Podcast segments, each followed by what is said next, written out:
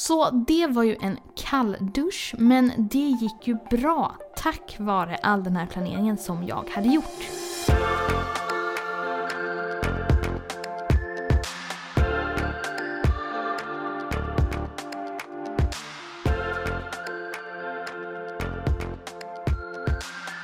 Hej och välkommen till Fotopodden. Jag som gör den här podcasten heter Maria Ekblad och jag är så himla glad att just du är här och lyssnar varje vecka. Det här är ett avsnitt som jag faktiskt har fått ett meddelande och fått en önskning om så därför känns det ju extra kul att spela in det här. Och det finns väl fler än jag där ute som driver ett företag men som också får barn någon gång. Idag ska vi alltså prata om hur jag förberedde för min föräldraledighet. För det finns ju faktiskt en hel del planering som kan krävas när man är egenföretagare och när man ska vara borta en period från sitt företag. Innan vi djupdyker in i detta så vill jag passa på att tipsa om Fotopoddens Facebookgrupp som också heter Fotopodden. Där pratar vi massor med fotoredigering, kunder och annat kring detta underbara egenföretagarliv. Så hoppa in där om du inte redan är med där. Jag vill också passa på att tipsa om min egen YouTube-kanal Fotograf Maria Ekblad där jag delar med mig av behind the scenes från min studio, mer om fotograflivet och massa annat spännande kring företagande och mer av mina sådana här tankar. Så gå in och prenumerera där om du inte redan gör det så gör du mig superglad. Okej, så jag fick alltså reda på i juli 2021 att det kommer en bebis i april 2022. Så man har ju ofta inte alltid, det beror ju på när man får reda på saker och ting. Men man har ju ändå några månader på sig att preppa inför detta. Så jag började med att göra en plan.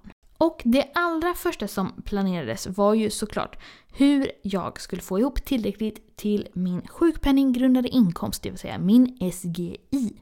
För när man är föräldraledig har man ju rätt till barnbidrag men man har också rätt att ta ut föräldrapenning. Och den räknar ju Försäkringskassan ut på hur mycket man har tjänat det senaste halvåret om man har ett aktiebolag.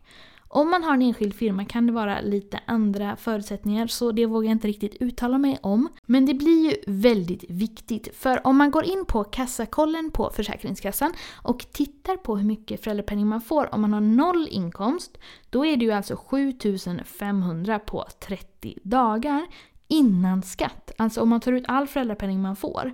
Så det blir ju inte mycket pengar att leva på oavsett om man räknar med barnbidraget eller inte. Och om man då tar ut ordentligt med lön, då får man ju 80% av sin lön i föräldrapenning. Och beroende på vad man tjänar kan ju det vara olika mycket, men för mig var det ändå viktigt att känna att vi har råd att vara föräldralediga och ha tid med vår bebis. Och det är ju helt individuellt hur man lägger upp detta men nu har vi ju då en egenföretagare i vår familj, det vill säga jag. Och så har ju vi min kille som har en fast anställning. Och då blir det ju också intressant om man behöver använda alla föräldradagarna eller om man kan spara framöver. Så att man kan få loss honom från jobbet om vi vill göra längre sommarlov eller vara lediga på lov längre fram eller göra någon resa med barnet eller vad som helst. Så för mig blev det ändå viktigt att få en bra SGI, alltså sjukpenninggrundande inkomst, så att jag kunde få en bra föräldrapenning. Så att vi har råd att inte använda alla föräldradagarna utan kan spara en del och planera en del ekonomiskt. Och det betyder ju att det blev viktigt att dra in pengar i företaget. Förutom att jag ville ha pengar då till lön så inser jag ju att jag kommer ju vara borta ett gäng månader där det inte kommer komma in en enda krona. Och eftersom jag då har en studio och har löpande utgifter med den och jag personligen är inte sugen på att hyra ut till någon annan under tiden. Det går ju att göra om man har en annan sorts lokal men min studio är dels inte jättestor, jag tror den är cirka 45 kvadrat, men den är också proppfylld med alla mina grejer. Och jag kände inte för att behöva plocka undan allt och fixa om så att den blir lite mer neutral så någon annan kan vara där. Utan jag visste också att jag kommer behöva ha in pengar för att klara att jag inte drar in pengar helt enkelt. Så att jag kan täcka utgifterna för studion under tiden jag inte jobbar. Och sen så den lilla fina detaljen med att ha en buffert också. För om man har ett aktiebolag är det ju inte bra att tömma hela spargrisen. Det funkar ju inte riktigt så.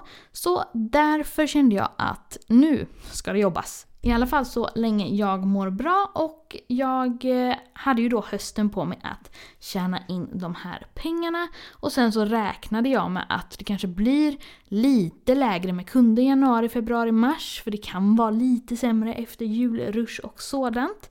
Så jag tänkte helt enkelt att hösten är mitt tillfälle att dra in de pengarna jag behöver för att kunna skapa förutsättningar för att vara borta från företaget.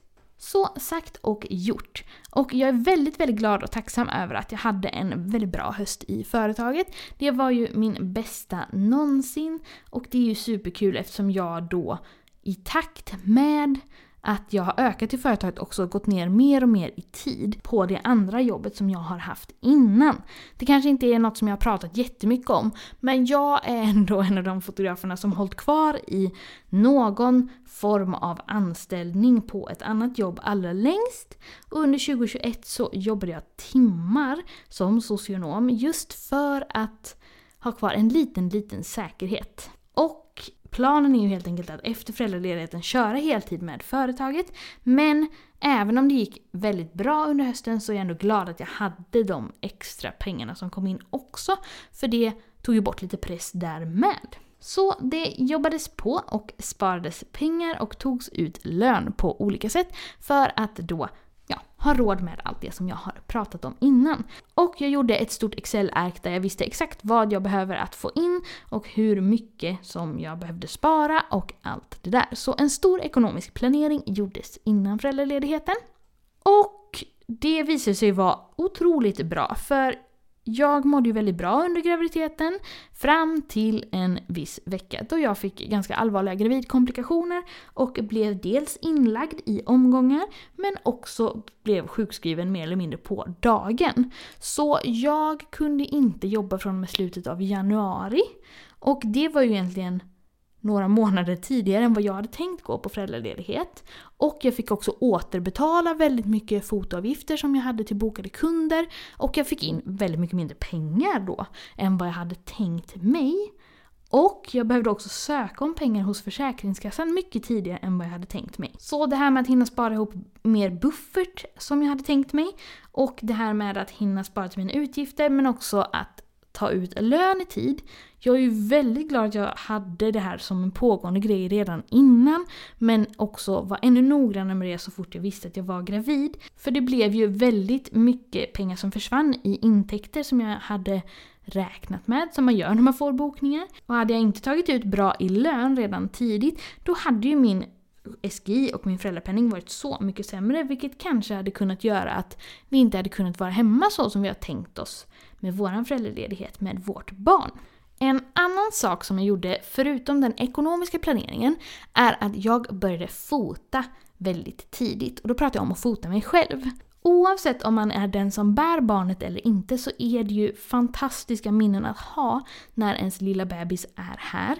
Och jag tänkte ju ändå det att man vet aldrig vad som händer med en graviditet. Det här är också mitt första barn, så jag tänkte att jag kommer säkert vilja ha minnen även från när magen inte är så stor. Och jag började egentligen ta riktiga bilder på mig själv i studion från och med vecka 19 ungefär. Jag hade också bokat en gravidfotografering hos Elin Stare men på grund av att jag blev inlagd på sjukhus, beordrad sängläge och annat så fick jag ju ställa in den. Men oavsett så är jag så otroligt glad för alla de här bilderna. Jag fotade mig en gång i veckan från vecka 19 till vecka 30 ungefär och det är ju verkligen så himla mycket fina bilder som jag är så himla glad att jag har. Och om jag hade skjutit för mycket på detta, då kanske jag inte hade hunnit göra det. För man fotar oftast gravidbilder kanske från vecka 30 och framåt. Men jag fick ju inte jobba någonting mer utan skulle ta det väldigt lugnt hemma. Så då kanske det inte hade blivit några gravidbilder på mig alls. Så därför så tycker jag och vill rekommendera till dig som vet att det kommer ett barn och du som ska vara föräldraledig. Att oavsett om du är den föräldern som bär barnet, som sagt, ta mycket bilder redan och börja i tid. För det kan ju faktiskt bli för sent för det. Och man ångrar ju bara bilderna som man inte har fotat. Det gäller ju faktiskt vi fotografer också. Och jag vet att många inte gillar att vara med på kort. Men då får man ju tänka på samma argument som man tänker till sina kunder. Att det är ju minnena och det är ju för bebisens skull man tar de här bilderna. Så jag är superglad att jag fotade massor och om du planerar för en egen föräldraledighet, missa inte detta utan ta de här bilderna. Du kommer att vara glad du gjorde det sen. Nästa grej som jag gjorde i min föräldraledighetsplanering är att jag faktiskt också planerade väldigt mycket content.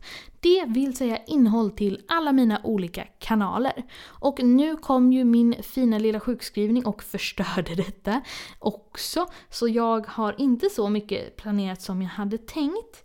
Men det är ändå otroligt skönt att veta att jag kan vara helt ledig med min lilla bebis och det är inte så att hela mitt företag kommer krascha eller min Instagram kommer gå i glömska. Utan det finns innehåll förberett där. Och nu är väl jag en sån person som gör kanske lite mer saker än vad gemene fotografer gör eftersom jag har en YouTube-kanal, Fotograf Maria Ekblad om du inte prenumererar redan. Jag har en podcast och sen så har jag en Facebookgrupp för fotografer, Fotopoddens alltså, där kan du gå med om du inte redan är med. Men jag har en del kanaler förutom de här vanliga som fotografer kanske har, det vill säga en hemsida, en blogg, en Instagram. Men jag satsade ändå på under hösten att göra otroligt mycket utkast till det mesta. Under tiden jag var sjukskriven så valde jag att knappt publicera någonting alls av de här sakerna. Även om det var utkast och mycket ligger tidsinställt redan så ville jag inte att det skulle bli något krångel med Försäkringskassan eftersom jag då ändå uppgett att jag hade noll arbetsförmåga. Och jag som har jobbat som socionom på myndighet tidigare vet att Försäkringskassan kan kolla på sådana saker. Och jag vill inte få något strul med då de ersättningarna jag hade sökt.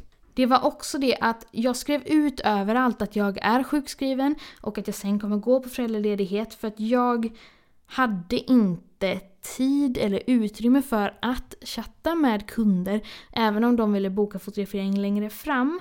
Just för att jag var ju faktiskt sjukskriven på heltid, var inne på sjukhus mycket, var på akuten mycket. Så det var väldigt skönt att inget publicerades egentligen på mina kanaler. Utan det var ganska dött där under perioden som jag inte jobbade utan behövde fokusera på min hälsa och min bebis i magen.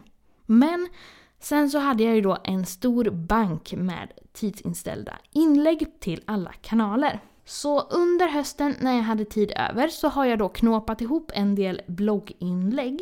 För att bloggen är ju en av mina viktigaste kanaler för att hålla igång min hemsida.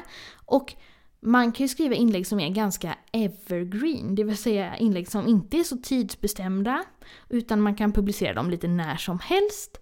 Och det hade jag laddat upp en hel del inför. Sedan så använder jag mig av en app till alla mina sociala kanaler för allt jag håller på med som heter Buffer. Och den kanske man inte behöver ha om man inte jobbar med väldigt mycket olika saker som jag gör, det vill säga podden, har en Facebookgrupp, har mina olika egna sociala kanaler. Utan det finns andra appar, till exempel Later eller Planoly, jag tror man kan schemalägga via Facebook också om man bara vill ha sina vanliga sociala kanaler. Men eftersom jag har så mycket olika saker så använder jag mig av den. Och i den så lägger man helt enkelt upp en kö med innehåll. Och då kan man färdigskriva inlägg och lägga upp bilder och förhandsgranska hur det blir. Så när jag hade tid över under hösten, förutom att skriva ihop blogginlägg, så har jag också planerat ett Instagramflöde. Och jag har planerat för min Facebookgrupp och för alla andra saker som jag använder. Så när jag väl ville börja posta, då var det bara att ta bort pausknappen och så kommer appen att portionera ut inlägg som redan är färdigskrivna och genomtänkta till de olika kanalerna på det schemat som jag har förbestämt. Och det kan ju verka ganska mycket jobb att göra med detta. Men jag hade ändå så pass mycket tid över att jag tänkte att det skulle vara värt det. Och jag kan säga att det är ändå otroligt skönt att kunna göra så. Just för att när man har ett barn och det är nytt med allt, då vill man kanske inte behöva sitta och komma på smarta, perfekta inläggsidéer till Instagram. Utan det kan faktiskt vara väldigt skönt att bara låta det rulla på av sig själv. Så det var ännu en julklapp från höstens Maria till framtidens Maria. Att inte behöva sitta där med amningshjärna och försöka komma på bra content. Utan det kan du puttra på och på så sätt så håller man igång alla kanaler och det blir inte lika mycket uppförsbacke när man väl är på gång igen. Och jag fick faktiskt tips från en fotograf om att jag skulle passa på att spara vissa favoritbilder från mina fotograferingar till detta. Och det är ju faktiskt supersmart så man inte bara har ens senaste fotograferingar om och om igen i flödet under föräldraledigheten utan det kan faktiskt komma lite superfina bilder som man inte visat tidigare och blanda ut med de andra. Så det var helt enkelt allt det jag gjorde för att förbereda inför min föräldraledighet. Och jag är verkligen så himla tacksam att jag gjorde detta för att allt det här frigör tid och ledighet med våran bebis och det är ju allt man vill ha som föräldraledig. Jag personligen tror inte på att man kan bomma gäng ett företag i ett och ett halvt år eller ett år och förvänta sig att det ska gå på samma sätt direkt. Och jag visste hela tiden att även om jag ser fram emot föräldraledigheten så otroligt mycket att jag kommer vilja hålla igång den lilla glöden på sociala medier, eller vad man ska kalla det. Just för att det inte ska stanna av helt och hållet. Sen är det klart att man har olika förutsättningar för att förbereda olika mycket med inlägg och sådant, men om du har tid över så vill jag verkligen rekommendera detta. Och som sagt, Glöm inte att tänka på din sjukpenninggrundande inkomst för det är så otroligt viktigt. Titta bara på hur det gick för mig i slutet av graviditeten. Om jag inte hade haft en buffert, sparpengar och allt det där, ja då kanske jag inte hade kunnat ha kvar studion till exempel. För att jag behöver ju de pengarna till mina löpande utgifter. Så det var ju en kalldusch men för mig gick det ju bra. Men det är ju tack vare den här planeringen. Tack så hemskt mycket för att du har lyssnat på det här avsnittet. Vi hörs snart igen i ett nytt poddavsnitt. Ha det fint, hejdå!